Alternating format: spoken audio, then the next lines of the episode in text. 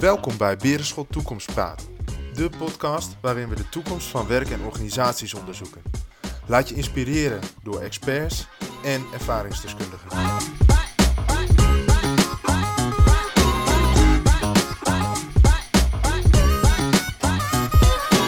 We duiken in de wereld van strategie en strategieontwikkeling. Volgens de uitspraak van Peter Drucker, Culture eats strategy for breakfast, is het ondergeschikt aan cultuur. Maar klopt dat wel? Wat is eigenlijk het belang van strategie? Hoe zorg je ervoor dat een strategie past binnen de context van een organisatie? En hoe zorg je ervoor dat de strategie de organisatie daadwerkelijk vooruit helpt? Dat onderzoeken we met Paul Pietersma, voormalig consultant strategieontwikkeling en nu als CEO aan het roer van een handelsonderneming. Hoe ervaart hij het om na jarenlang anderen te hebben geadviseerd, zelf verantwoordelijk te zijn voor de implementatie van strategische beslissingen? Hoe heeft hij het aangepakt en wat heeft hij daarvan geleerd? Ook gaat in deze aflevering Meindert Flikkema, bijzonder hoogleraar strategieontwikkeling aan de VU, in op de resultaten van het strategie trendsonderzoek dat onlangs door Beerschot werd uitgevoerd onder 500 ondernemers. Welke inzichten halen we uit dat onderzoek en wat zegt dat over het vak strategieontwikkeling? Welkom bij uh, deze aflevering van onze podcastserie Toekomstpraat. En vandaag heb ik de gast Meindert Flikkema en Paul Pietersma. En Paul Pietersma is de CEO van Legit Forum groep. En Meindert Flikkema is een collega van mij die zich bezighoudt met strategie. En dat is ook tegelijk het onderwerp uh, voor vandaag, want we gaan uh, met jullie praten over strategische ontwikkelingen. En Paul, jij bent ook een oud collega van ons. Je hebt uh, 23 jaar volgens mij bij Berenschot gewerkt. En nu zit je bij Legit Forum Groep al een klein jaartje, denk ik ongeveer. Negen maanden alweer. Negen maanden, dat is, nou, dat is altijd een mooi moment hè, om terug te blikken ook. maar Legit Forum Groep, waar komt die naam vandaan? Gewoon om eens mee te beginnen. Allereerst dank voor je uitnodiging. Fijn dat ik hierbij mag aanschuiven om toch een beetje te praten over het vakgebied waar ik vandaan kom. Het bedrijf Legit Forum Groep is Latijns voor lees de markt. Het is net als bedrijf een echt familiebedrijf met een sterk verhaal en sterk DNA dat zich bezighoudt met het voorzien van interieurbouwers, interieurverwerkers, maar ook architecten van mooi materiaal om een binnenruimte op zo'n manier in te richten dat mensen daar blij van worden. Dat is een hele korte samenvatting van wat we doen. Ja, dankjewel. En uh, Meindert, jij ook uh, van harte welkom. Uh, misschien ook leuk om, jou, om jouzelf even kort te introduceren, want jij zit volgens mij heel kort bij Berenschot. Ja, dat klopt, Frederik. Dankjewel. Uh, ik zit inderdaad heel kort uh, bij Berenschot. Uh, als ik uh, met klanten en met mensen die dat nog moeten worden in gesprek ben, dan zeg ik al, ik ben in 2021 gestart. in januari. Um, en um, ja, ik verdeel mijn tijd tegenwoordig over Berenschot. Het grootste deel van mijn tijd is voor Berenschot. En het, een wat kleiner deel van mijn tijd gaat naar de Vrije Universiteit, waar ik nog aan verbonden ben als hoogleraar. Hoogleraar diensteninnovatie. En uh, de afgelopen twintig jaar heb ik ook voor uh, de Vrije Universiteit uh, gewerkt. En daarvoor tien jaar als adviseur. En altijd op het vlak van, van strategie of strategieadvies? Ja, de vraag is natuurlijk wat, wat is strategie? Hè? Um, want dat lijkt heel erg bepaald. Maar ik heb me altijd bezig gehouden met, um, ja, wel met strategische vraagstukken van organisaties. Um, en strategische vraagstukken zou ik uh, vraagstukken noemen die, die zeer belangrijk zijn voor een organisatie en um, uh, die vragen om stevige resource commitments. Hè. Dus dat heb ik eigenlijk altijd wel gedaan. En ook, het ging bijna altijd over uh, dienstverlenende organisaties. Maar tegenwoordig hou ik me ook wel bezig met productiebedrijven die de omslag maken van het leveren van producten naar het leveren van diensten. Hè. Dus ja, je zou kunnen zeggen, diensten vormen de rode draad en strategische vraagstukken ook. En, en, en Meindert, jij, jij hebt je natuurlijk ook net al even aangekondigd als ik ben eigenlijk altijd met strategische vraagstukken bezig geweest. Um, en daarmee um, uh, bedoel ik uh, vraagstukken die om echt dedication en, en, en toewijding en, en het allokeren van, van veel resources te maken mm -hmm. hebben. En een in, grote impact waarschijnlijk hebben op de keuzes. Uh, op je, op een, een, een boekje onderhandig in, in handen gekregen, dat heet de Vanzelf-organisatie. Um, dat zou natuurlijk ook kunnen. Je kunt gewoon zeggen, go with the flow. Maar is, is het echt iets, wat, wat, wat levert dat nou op? Daar goed en structureel mee bezig zijn. Nou ja, kijk, ik ben er zeker geen voorstander van om hele gedetailleerde, noemen we eventjes, plannen te maken voor de toekomst. Ik denk dat je eigenlijk, ik geloof in net genoeg strategie, net genoeg richting. Um, en en um, kijk, zonder die richting Ehm, zul je in de toekomst ehm, eh, te laat zijn? Ehm, of gaat het te ja, laten we zeggen, de resources die je inzet, dat je die efficiënt inzet. En dat je niet te laat bent. Dat je dus zeg maar, ook wel snel genoeg kunt reageren. En dat kun je alleen maar als je toch voorsorteert op een bepaalde richting. en, en ook scherper voorsorteert dan, dan, uh, dan andere bedrijven. Herken je dat, uh, Paul? In, in, je, bent natuurlijk nu, je bent heel lang adviseur geweest. Je zit nu aan de andere kant van de tafel, zou je kunnen zeggen. Um, herken je dat, dat, dat jullie dat zo doen? Of heb je daar een andere kijk op? Vanuit het vakgebied strategie ben ik het hardgrondig met mij het eens. Wat ik hier merk en ook gebruik, is dat de strategie de organisatie faciliteert om hetzelfde verhaal te gaan vertellen. Maar niet alleen hetzelfde verhaal te vertellen, maar ook hetzelfde verhaal te voelen. Je, je creëert een soort gemeenschappelijk iets waar de organisatie achter gaat staan. En iedereen vanuit zijn eigen verantwoordelijkheid zijn rol in heeft.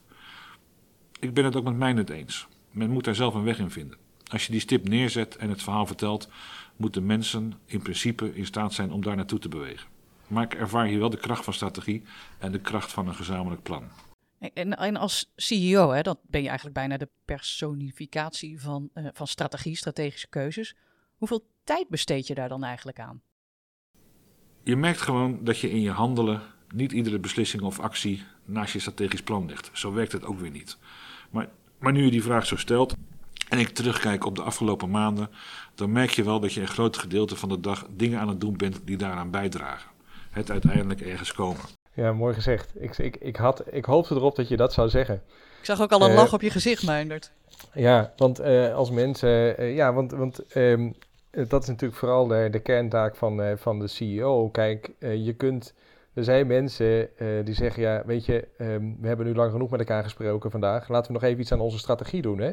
Of um, aan het eind van het volgende kwartaal moeten we weer werk gaan maken van strategie. Maar ik denk dat um, strategizing, dus het nadenken over resource commitments, het nadenken over richtingen voorsorteren, dat is een ongoing proces. Je kunt het je niet meer veroorloven om, wij spreken, dat eventjes uh, uit te stellen tot uh, eens uh, in de zoveel tijd. Wat we vroeger natuurlijk misschien wel konden, hè, omdat omgevingen toch um, ja, veel minder snel veranderden. Hè, dus omdat informatievoorziening veel minder mature was. Hè. Dus maar nu gaan informatievoorziening is zoveel versneld dat je eigenlijk voortdurend bezig bent met het valideren van de richting die je in hebt gezet, het verder aanscherpen. Vooral ook nadenken over dingen waarmee je um, gaat stoppen omdat ik persoonlijk ook heel erg denk dat um, een, een, dominant beeld over strategie is toch wel dat je bezig bent met dingen die je gaat, wilt gaan doen. Maar het is ook heel belangrijk om te bedenken waar je um, mee moet gaan stoppen. want je moet ook tijdig met dingen gaan stoppen. Um, ja, die, zijn maar, die zijn steeds korter cows. En uh, vandaar dat, ik ook in toenemende mate ook als onderzoek, onderzoeker nadenken over de vraag hoe kun je als organisatie stopkracht ontwikkelen. dus dat je tijdig met, met, uh, met dingen stopt. Maar ik vond, even terug naar, naar, waar ik om begon te lachen, is dat Paul eigenlijk inderdaad gelukkig zei, ik ben daar eigenlijk al mijn tijd en iedere dag mee bezig. Een nuance erop, ik vind het erbij nog niet eens zo spannend om een helemaal vastontlaand duidelijk plan te hebben. Want dan creëer je ook je eigen teleurstelling voordat je begonnen bent. Maar als je zegt, ik gebruik het strategisch verhaal voor een gezamenlijk DNA, een gezamenlijke visie, voor een gezamenlijke ambitie, en daarmee beweging mobiliseert, ja, dan ben je goed bezig. Als je zegt, wat heb je dan geleerd in die negen maanden? Dat de kracht van die beweging de belangrijkste meerwaarde van een strategie is. Dat het heel verbindend is en ook mobiliserend. Het is heel verbindend. Het creëert beweging, het creëert innovatie. Ik ken ook de theorieën van vroeger. Ja, je moet je onderscheiden. Ja, je moet dit, je moet dat. Het is allemaal waar. Maar ik merk dat de kracht van die beweging en de kracht van de gezamenlijke ambitie en het gezamenlijke verhaal, waar mensen ook trots op kunnen zijn, dat dat echt goud waard is en de echte waarde van strategie is. En heb je daar ook heel bewust iets in gedaan? Want hoe, hoe, hoe lag het er negen maanden geleden bij? Was er een, was er een strategie of was er een strategische richting gekozen? Um, eh, zijn mensen daarin meegenomen? Kun je daar iets over, over, over vertellen? Ik ben hier terechtgekomen omdat ik de twee aandeelhouders die in 30 jaar een schitterend bedrijf hebben neergezet, maar ook op een leeftijd kwamen dat ze een stapje terug wilden zetten, om die te ondersteunen naar de toekomst. Ze hebben het idee opgevat om een strategisch plan op te stellen waar hun opvolger verder mee zou kunnen. Dat ben ik gaan doen. Ik ben vanuit Beerdenschot toen ingehuurd om dat plan te maken en blijven plakken, als ik dat zo mag zeggen. Ik mag nu dus mijn eigen plan uitvoeren. Dat is ook wel louterend, moet ik heel eerlijk bekennen. Het plan is opgesteld in coronatijd. Dat is toch wel een nuance die ik hier wil maken. Want ik geloof heilig in het opstellen van een plan samen met de mensen. Dat kon niet, dat ging even niet. Maar toen ik eenmaal begonnen was, heb ik wel het plan dat ik vanuit Berenschot gemaakt heb, aangevuld met mijn eigen ervaringen. Ik heb het met alle unit managers besproken, feedback gevraagd. Ik ben het gaan presenteren op alle BV's. Ik heb aanpassingen opgehaald. Ik heb het plan aangepast en daarmee de opgave gegeven aan iedereen. Jongens, het was mijn plan, nu is het plan van ons. We gaan het samen doen, we gaan het samen implementeren. Wat moet er gebeuren om ons plan in deze organisatie tot een succes te maken? Vanuit die vraag zijn we verder gegaan. Wat kunnen we vanuit dit plan nou doen om de organisatie een stap verder te brengen met elkaar? Niet om nog meer geld te verdienen of nog meer omzet te maken, maar om te zorgen dat we over 10 of 15 jaar nog steeds bestaan. Dat vind ik wel een mooie opgave voor ons met elkaar. Dus met elkaar hebben we dat plan, noem ik maar, gefinaliseerd. Vervolgens hebben we het gepresenteerd in zijn definitieve vorm, zodat iedereen hetzelfde verhaal een keer kon horen. Het plan is eind vorig jaar gemaakt en ik ben het nu pas een beetje aan het presenteren bij alle bedrijven in zijn definitieve vorm. Dat kon niet, door alle restricties die er waren. Het voordeel is dan wel dat je kan laten zien waar je al mee bezig bent. dus ook de projecten die we al opgestart waren, nemen we mee in de presentatie. We vertellen welke concrete resultaten we al geboekt hebben. Dus eigenlijk ben je een soort levende strategie aan het presenteren. Het is wel het plan dat in ieder geval op draagvlak is ingezet. Wat mij fascineert, Paul, je hebt als adviseur van Berenschot een eh, plan gemaakt voor een bedrijf dat je nu leidt. Ehm, dat is heel uh, interessant. Je bent blijven plakken, zoals je dat noemt. En je presenteert het nu aan de mensen om je heen. Hè? Dus aan, aan laten we zeggen, het middenmanagement, maar ook aan anderen. Wat heb je um, geleerd van dat presenteren? Hè? Want je, je maakt een plan en dan denk je van tevoren, nou, dit zouden we van plan moeten zijn. Um, en dan presenteer je het. Je vraagt om feedback, zoals jij dat noemt. Wat, wat leer je daarvan? Wat, wat, of wat heb je daar, wat, wat ervaar je in die uh, presentaties? Wat krijg je terug? Je moet niet in één keer te veel willen. En je moet ontzettend dicht aansluiten bij de dagelijkse werkelijkheid en het DNA van de organisatie. En met niet te veel willen bedoel je dan dat het te veel in te korte tijd is? Te veel projecten in te korte tijd of dat soort dingen. Je moet gewoon als een soort dieselmotor beginnen en volhouden. Is beter dan alles in één keer heel snel afmaken. Dat gaat namelijk altijd fout. Dat is iets wat me heel erg is bijgebleven. En die herkenning. Een strategie is leuk, maar als je het over het DNA van het bedrijf hebt, dan komt de herkenning en daarmee ook de erkenning. Ja, en, en kan je daar iets meer over zeggen, over dat DNA hè, van die, en die vezels? Wat, wat een, waar, dat is natuurlijk een metafoor feitelijk. Um, je zou het ook uh, cultuur kunnen noemen, dat, dat doen anderen, denk ik. Um, wat, wat, wat, um, wat is dat uh, DNA van Legit Forum? Want ben ik wel benieuwd naar. Het DNA is dat we in alle vezels voelen dat wij klanten willen helpen om die binnenruimte op zo'n manier samen te stellen dat, die de, dat de gebruiker, en dat zijn we allemaal, of het nou thuis is, of kantoor, of op kantoor, dat het de gebruiker energie geeft. De vitaliteit van de gebruiker bevordert. Je moet naar huis gaan en je niet helemaal uitgeput voelen.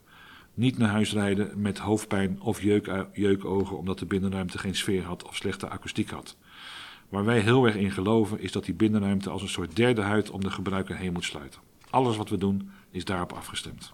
Geeft dat beeld, Meindert? Is dat, ja, uh... zeker. Zeker.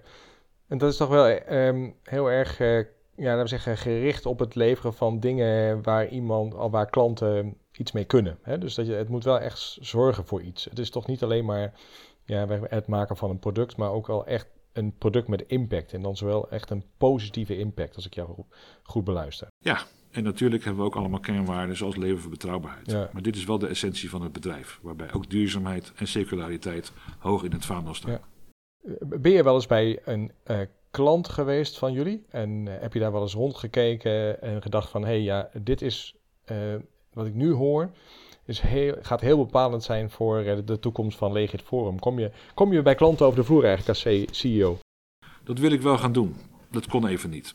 Daar zijn we ook best nog wel voorzichtig in. Ja. Maar dat is wel wat ik ga doen. Ik vind ongeacht welke positie je ook hebt, je moet naar de werkvloer, je moet naar klanten. Je moet een dag met logistiek mee. Je moet een dag op de productie meedraaien. Ik wil met chauffeurs mee. Ik wil bij klanten komen. Kijk, onze naam, in onze naam staat Lees de Markt. Dan moet je toch zeker in die markt rondlopen dan moet je continu bezig zijn met die markt lezen. En de beste manier om die markt te lezen is denk ik om in die markt rond te lopen. Paul, mag ik jou dan ook drie dilemma's voor gaan leggen? De eerste uh, is, uh, ja, uh, we hebben het nog niet gehad, bijna, nou ja, je hebt het wel in je gesprekken gehad dat het lastig was om bijvoorbeeld klanten te zien, COVID. We kunnen er niet omheen. Is het vanuit jouw perspectief een kans of een bedreiging? Kans.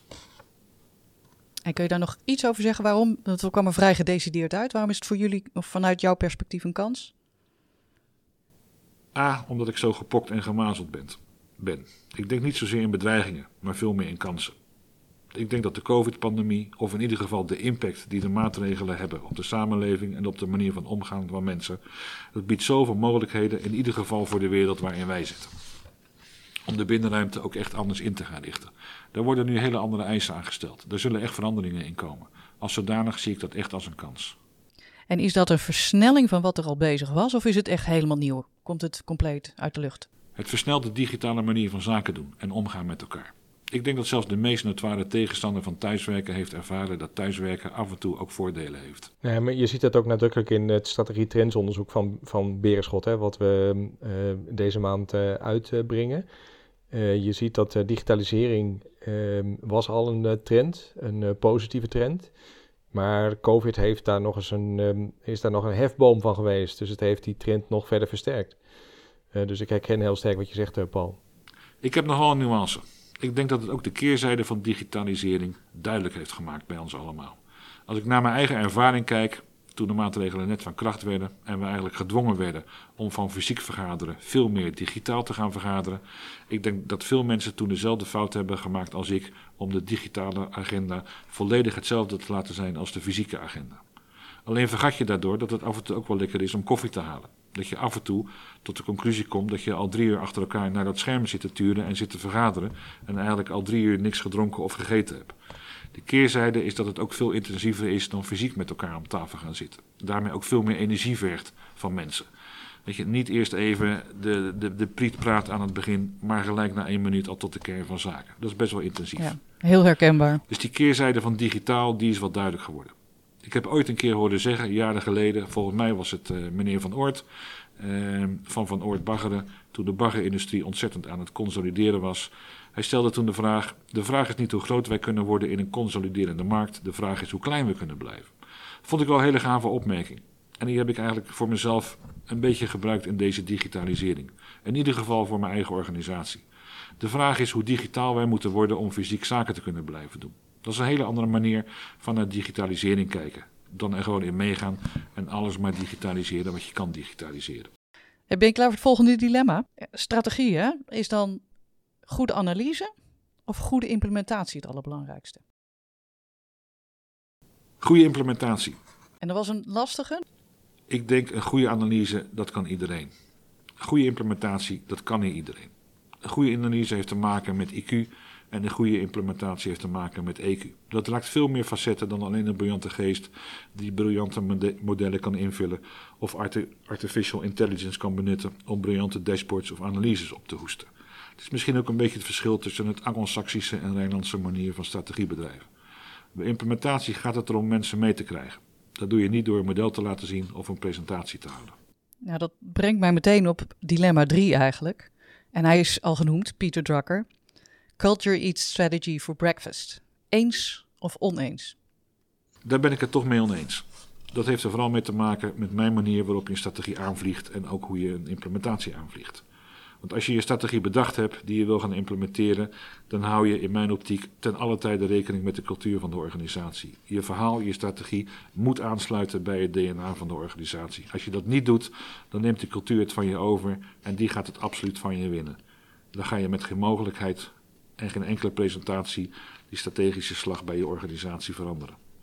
Op het moment dat je met je verhaal rekening houdt met het DNA van de organisatie, met de authentieke kracht van de organisatie en dat ook gebruikt om te implementeren, dan is strategy absoluut uniek ten opzichte van de cultuur. Dan voorkom je dat het waar wordt dat de cultuur de strategie opvreet. Ja, dus jij zegt, er is een synthese mogelijk eigenlijk. Mooi, ik zag mij dat ook al. Uh, ja, we zitten hier in een samenstelling twee mensen die live zijn, met afstand natuurlijk, en drie mensen op het scherm. Dus we zijn bijzonder digitaal bezig. En ik zag Meindert op het scherm ook Um, nou, volgens mij was je ook uh, daarover aan het nadenken, Meijnerd. Wil je daar nog iets aan, aan toevoegen? Ja, zeker. Ik, die, um, het, tweede dilemma, um, nou, misschien kan je hem nog even scherp stellen, maar dat ging over implementatie of uh, analyse. En Paul die koos voor uh, implementatie. ik zou toch hebben gekozen voor analyse. Het zal je misschien niet verbazen. Ehm, Paul waarschijnlijk ook niet. Het heeft waarschijnlijk ook te maken met het feit dat ehm, ik ehm, minder betrokken ben geweest bij implementatie. Er is ook een boek verschenen een tijdje geleden, dat heet Strategie is executie. Um, ik geloof toch dat, ik geloof toch dat analyse belangrijker is. en dat, mm, maar dat, dat dat heel erg moeilijk is, een goede analyse. Er zijn ongelooflijk veel, dat weten we ook uit uh, onderzoek, uh, er zijn ongelooflijk veel uh, cognitive biases. We maken heel veel fouten in die analyse. Um, en er zijn hele goede voorbeelden van te noemen. We gebruiken vaak heel veel materiaal wat direct voorhanden is. we hebben heel veel moeite om ons initiële standpunt te verlaten. dus ik denk dat er um, ook aan die, in die analysekant, um, dat daar veel winst te halen is. En dat daar veel netter gewerkt moet worden. En dat je strategie bijvoorbeeld, die, dat je die analyse zeker niet geheel moet uitbesteden aan uh, externe partijen. En dat is misschien een beetje vloeken in de prachtige kerk die uh, Berenschot heet. Maar wij zeggen ook wel eens binnen de ehm, strategiegroep dat er ook boutiques zijn, strategieboutiques zijn, die zeer gedetailleerde um, strategische plannen voorschrijven aan klanten. Um, maar dat is dan wel precisely wrong. Um, waarbij bijvoorbeeld geen rekening wordt gehouden met het uh, verandervermogen van een organisatie, met, uh, laten we zeggen, het eh, DNA van de organisatie. En ik denk dat je juist in die analyse ook um, vooruit moet kijken naar van, ja, aan wie gaan we dit eigenlijk aandoen? Gaan we dit onze organisatie aandoen en aan kunnen doen? Dus ja, ik geloof toch ook wel heel sterk in analyse en tegelijkertijd geloof ik in net genoeg strategie. Dan over Pieter Drucker. Ehm, niet de eerste, de beste natuurlijk. Uh, een van de grootmeesters uh, in, ons, uh, in het management- en bedrijfskunde domein. Um, een van de weinige mensen die het zich kon permitteren om zittend te doseren. Ik ken twee mensen die dat zich konden permitteren. Dat is Pieter Drucker en um, de onlangs overleden Leon de Kaluwe, die dat ook wel deed. Um, ja, ik geloof wel dat uh, de dingen die je uh, bedenkt, hè, dus uh, laten we zeggen, um, um, strategie gaat natuurlijk ook, is heel erg, of strategische plannen, die leunen heel sterk op aannames en overtuigingen. en als die aannames en overtuigingen, maar vooral die overtuigingen niet matchen met datgene wat de mensen die het echt voor het zeggen hebben in organisaties, um, wat die vinden, ja, dan wordt het toch een heel lastig verhaal. en ja, dus ik, ik, ik, ik neig toch, uh, misschien ook wel leuk voor het uh, debat uh, hier, naar de analyse. Um, en ik geloof bijvoorbeeld, om eens even iets um, tegenover strategie is executie te, zeggen, te zetten, en dat ook wel een beetje geïnspireerd door het, het, het, Trendsonderzoek, dat strategie steeds meer technologie is. Hè? Dus dat het steeds meer gaat over het, het, maken van technologische keuzes. Hoewel ik ook zeer geïnspireerd was door wat Paul zei over hoe ver moeten we gaan met technologie om uh, fysiek zaken te kunnen doen? Want dat is, vind ik wel echt een hele mooie vraag. Want uiteindelijk is strategizing ook vooral questioning, denk ik. Um, en dat is uh, dus de juiste vragen stellen. Um, en de juiste vragen stellen met de organisatie. En uh, je noemt nu ook dat uh, trendonderzoek. Um, kan je daar iets meer over vertellen? Hè? Wat, wat, volgens mij doen we dat al heel lang. Um, ja, 2007, 13, 13 14 13, jaar. 14 jaar. Um, dit jaar hebben ook weer ja. 600 directeuren en managers meegedaan. Ja. Uh, kan je iets vertellen op hoofdlijnen wat, daar, wat jou daarin opviel? Ja, nou, wat het, um, het rapport heet Op voorsprong um, door digitalisering als organisatiestrategie. Dus met andere woorden, digitalisering is wel de toptrend in dat uh, onderzoek. Ik zei al, het is, um, COVID is daar nog wel weer een hefboom van geweest. en wat natuurlijk in het onderzoek is opgevallen, is ook dat COVID veel impact heeft. Ehm, maar zowel positief als negatief. dus in sommige uh, sectoren is het een, uh, een exogene schok, zoals economen dat zouden zeggen, van formaat geweest. En is er sprake geweest van vraaguitval. En neem even een bedrijf als um, um, De RAI in Amsterdam.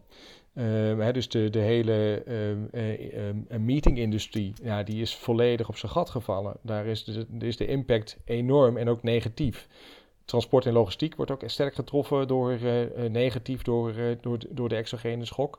En aan de andere kant zie je ook alweer dat in bijvoorbeeld de planten en, en bloemen, dat, daar, dat die industrie dat die, een positieve boost heeft gehad. Een van onze interviewees zei, um, en die was van een, een, bloemenveiling, die zei ja, ik heb gemerkt dat uh, um, door COVID we ons weer bewuster, bewust geworden zijn van het feit dat planten en bloemen essentiële producten zijn. En zo zie je dus dat er ook, eh, neem een bedrijf als de Mediamarkt, nou die zijn eh, door het thuiswerken natuurlijk helemaal overspoeld door vraag voor eh, facilities in de home office.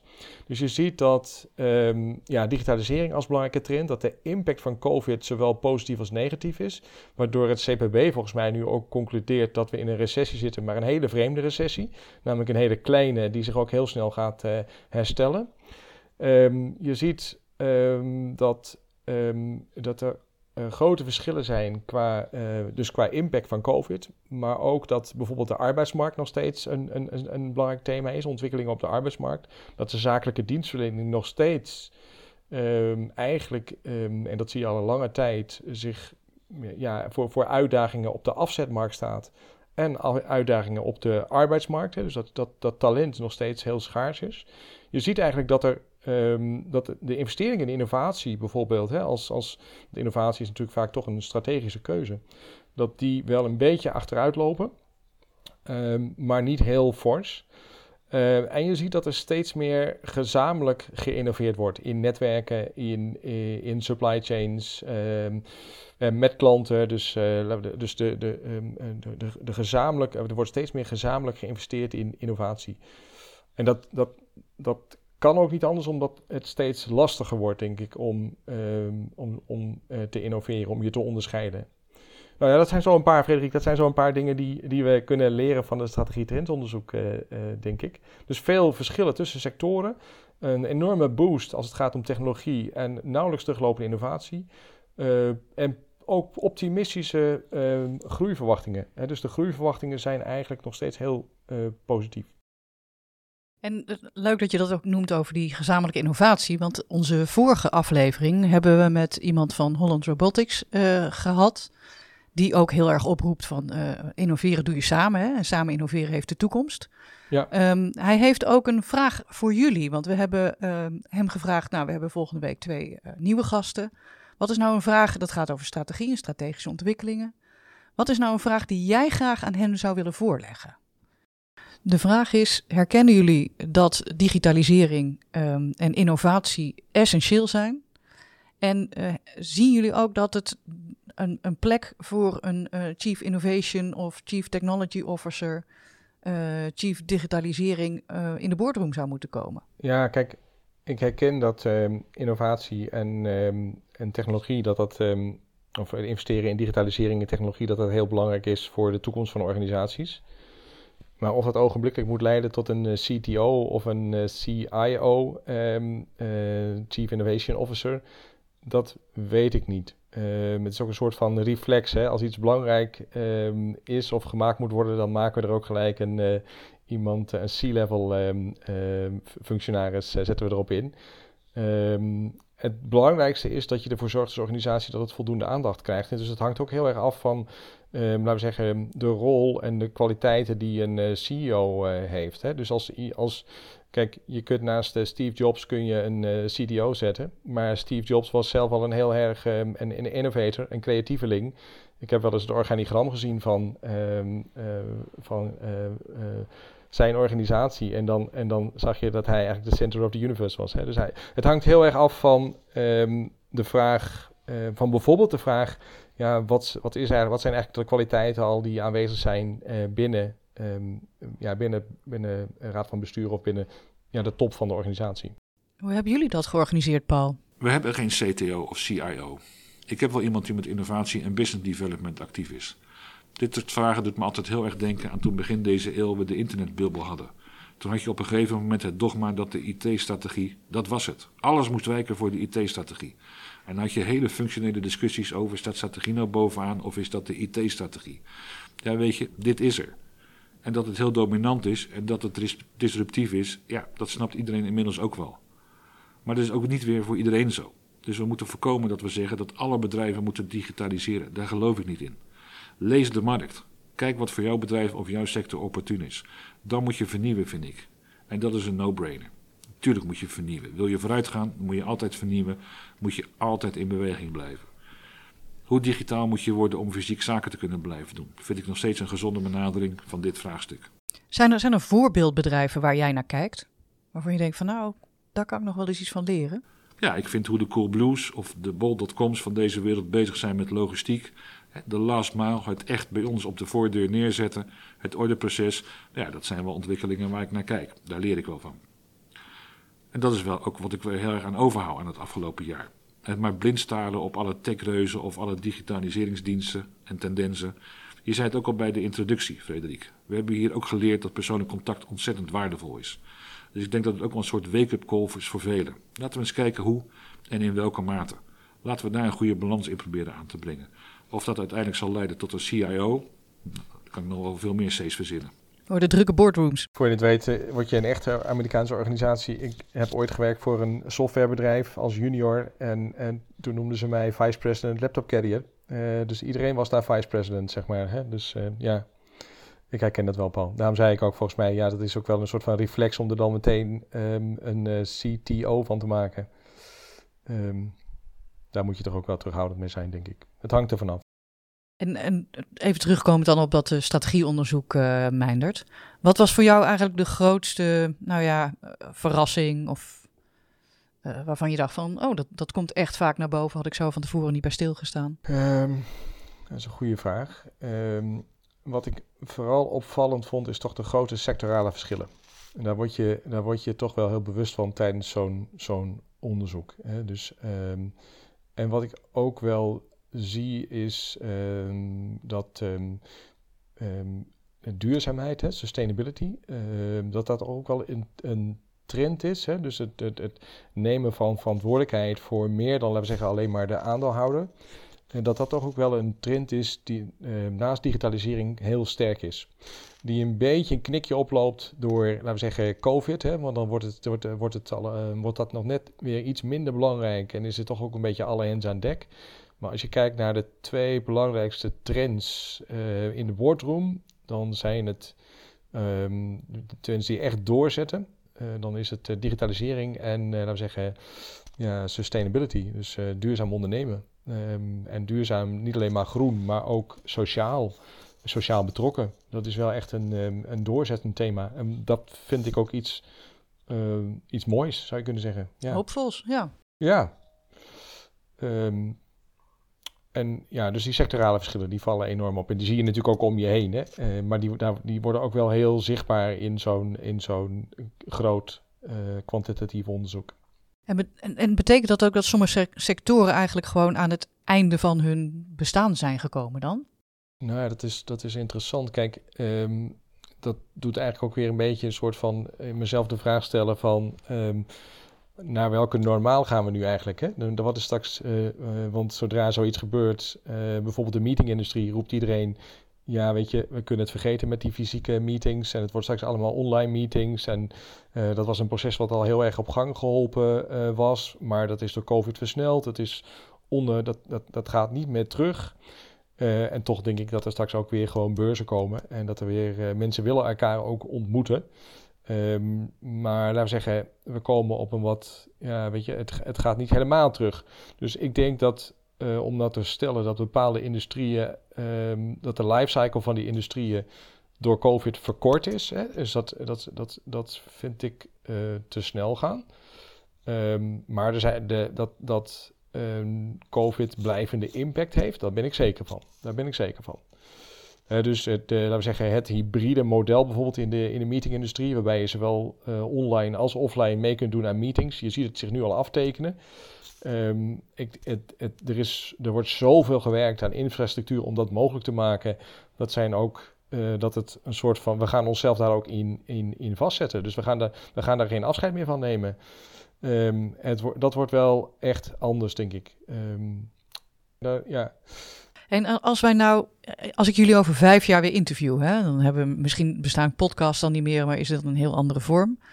Wat is dan het hot topic? Wat is dan de strategische trend? Oh, dat is een hele goede vraag. Ik ben ervan overtuigd dat uh, technologie en de technologische ontwikkeling nog steeds heel belangrijk is. Maar het zou mij niet verbazen als er ook een soort van tegenbeweging op gang komt. Ehm, van waarin het veel meer gaat over. ehm, je ziet het eigenlijk al een beetje. eh, een tegenbeweging van. eh, want we hebben heel lang gezeten in bijvoorbeeld internationalisering. Hè? Internationalisering, alle bedrijven naar het buitenland en eh, geografische expansie. Maar je ziet ook wel een soort van tegenbeweging ontstaan. Juist van terughalen, reshoring, lokaal, regionale economieën. Je ziet in COVID ook dat ehm, mensen oproepen om vooral ook de lokale ondernemers eh, ehm, te ondersteunen. Dus het zou mij niet verbazen als er ook een soort van tegenbeweging op gang komt. Van ehm, misschien wat door de millennials. En ook wel ondersteund door technologie, denk ik. eh, ja. Is dat een, een soort andere optimalisatievraag die bedrijven dan hebben?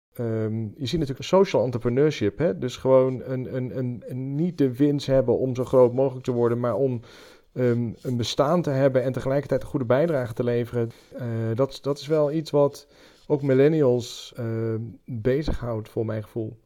Waarbij het niet zozeer gaat over steeds meer welvaart, maar waarbij mensen ook een bijdrage willen leveren aan bijvoorbeeld een sociale, aan een goede welvaartverdeling, waarin welzijn veel centraler staat, waarin ja, dat soort dingen toch ook een, een belangrijke rol gaan spelen in, in ondernemen.